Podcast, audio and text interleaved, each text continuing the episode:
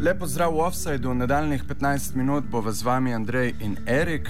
In beseda bo tekla, oziroma pogovarjala se bova o situacionistih, o ustvarjanju situacij. Uh, razumemo to kot nek skromen uvod v dogodek, ki se ima za zgoditi takoj po Zeitgeistu, oziroma kmalo zatem po Zeitgeistu na še vedno neznani lokaciji v Ljubljani in ki ga boste lahko spremljali, seveda, v živo prek valov radia študent na 89,3 MHz. Uh, čeprav skromen, je ta uvod na nek način zelo potreben, kajti veliko ljudi ve zelo malo, oziroma praktično nič o situacionistih.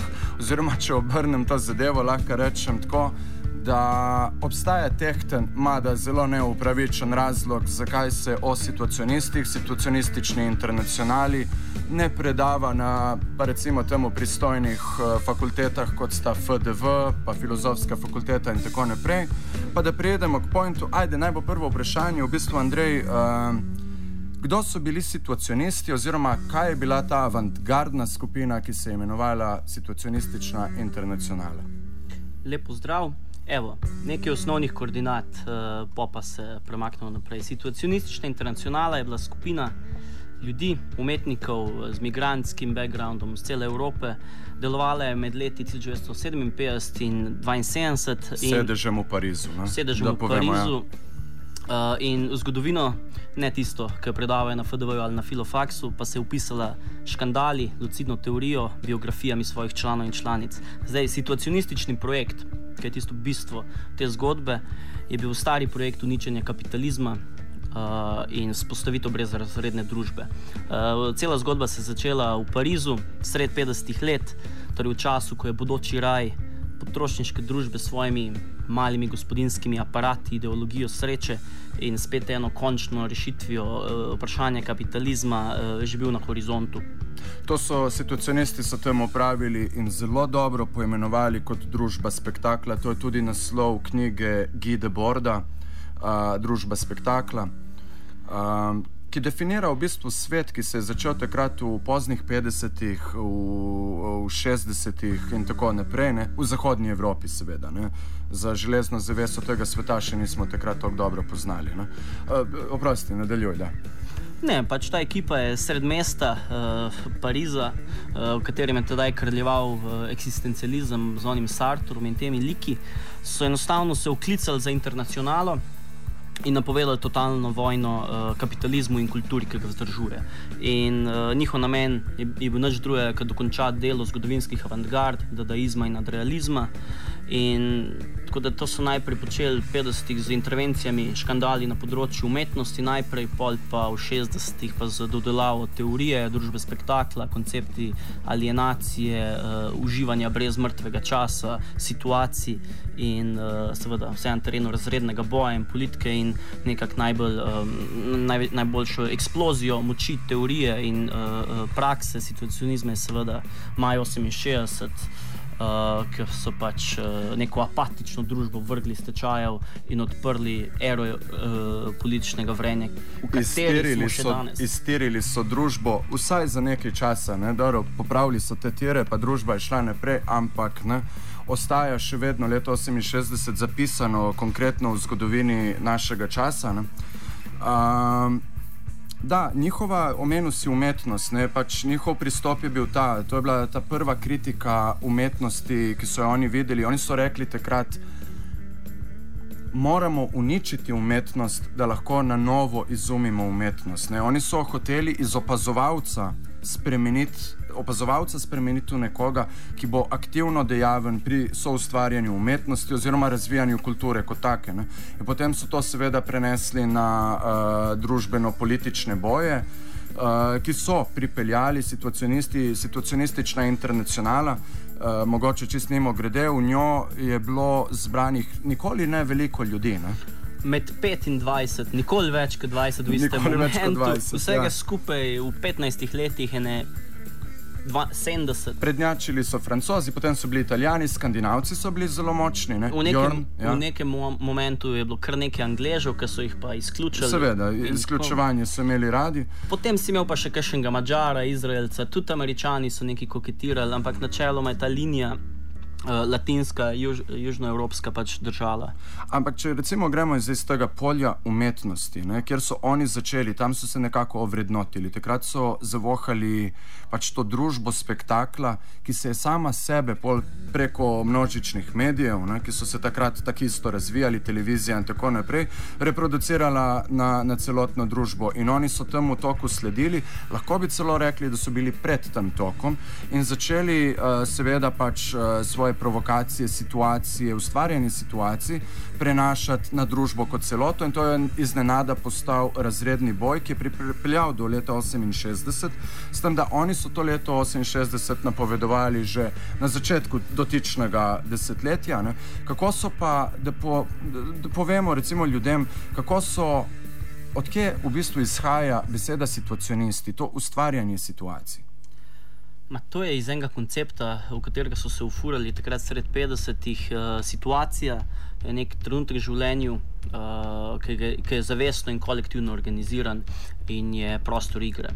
In to je to. In zdaj za situacijo je to konkretno pomenilo, ta prostor igre so bile um, situacije, v katerih uh, družbena razmerja prihajajo odkrito na dan. To so ulični nemiri, uh, uh, zdolgočasne mladine na švedskem, pa v Italiji, to so mogoče uh, škandali.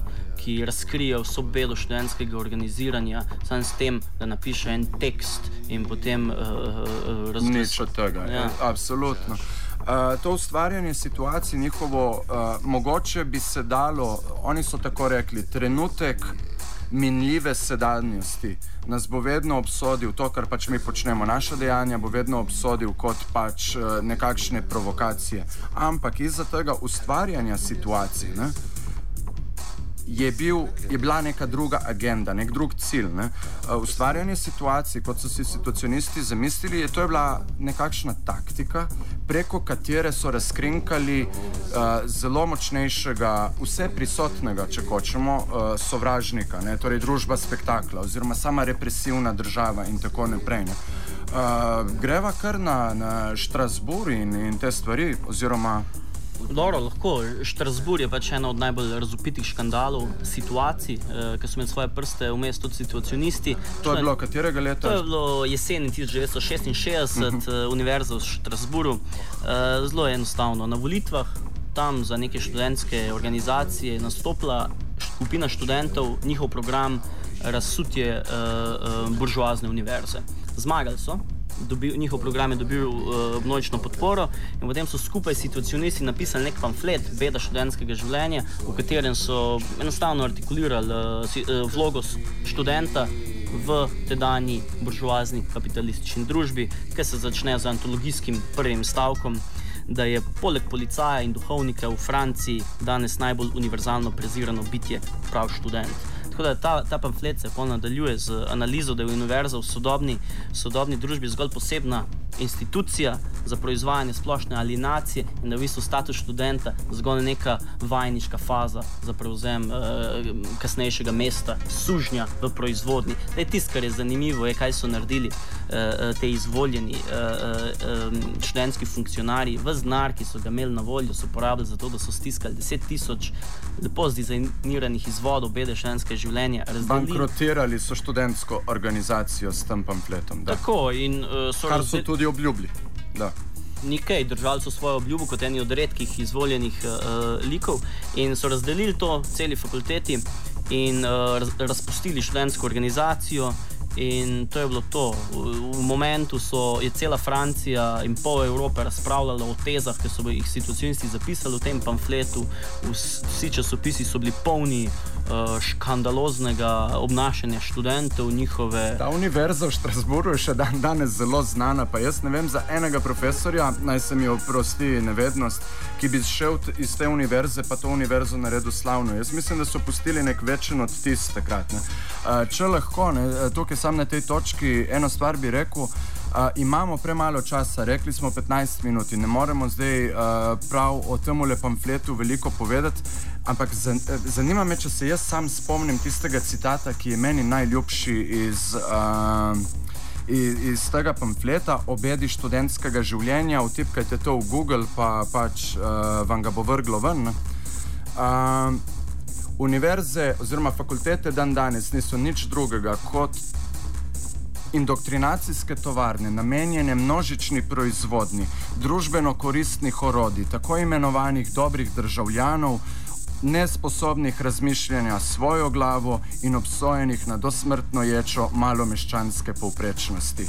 Uh, nekaj, kar zveni zelo znano, tudi še vedno dan danes, nažalost, oziroma lahko rečemo pa tudi drugače, vedeli so takrat, kaj govorijo in njihove teze še vedno držijo dan danes to je to, sigurno. 50 let je minilo, mislim, vsak, ki se sprehodi po katedralah lokalnih univerz, ve, da so te teze, imajo veliko večjo vezo s tem, kar se danes dogaja na teh, v teh učilnicah, kot pa vsi možni članki, krit, ki kritizirajo Bolonsko univerzo in tako naprej, ki se jih da prebrati v naprednih publikacijah tega longa tipa. Um, tako da to je definitivno situacionistična velika odlika njihovega dela, zapustili so analize, pa ne samo to, ker se to je samo en, en primer uh, področja študentskega. Eh, študentskega življenja, ampak to so še drugi. Oni so v realnem času spremljali uh, vse revolucionarne boje, ki so takrat v 60-ih potekali po svetu, kulturna revolucija v, na Kitajskem, revolucionarni boj v Alžiriji, nemiri uh, uh, v črnskih getih ZDA.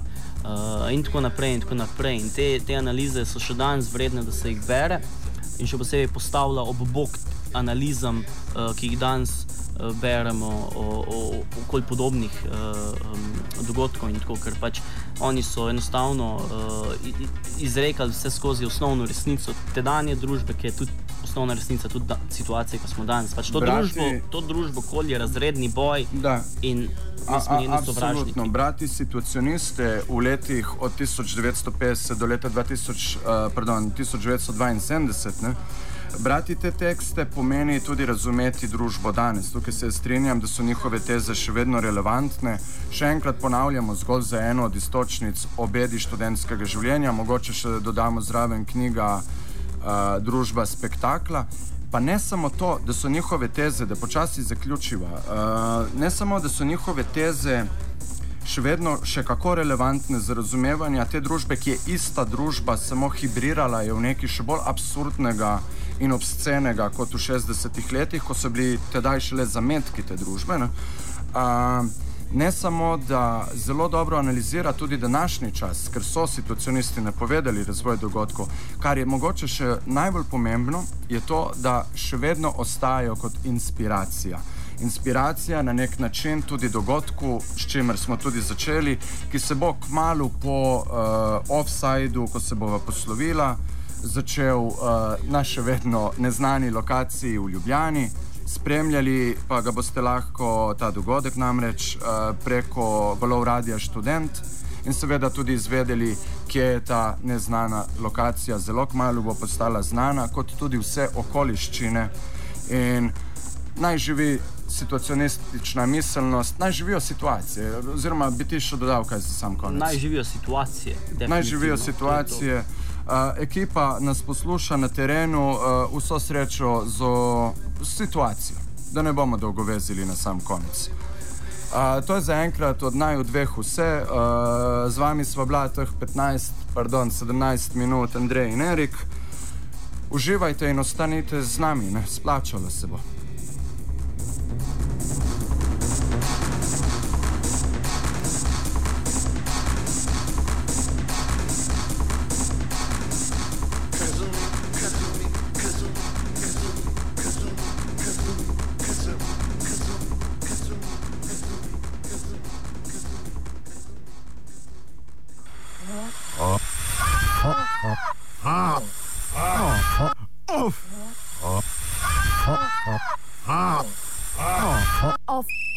side.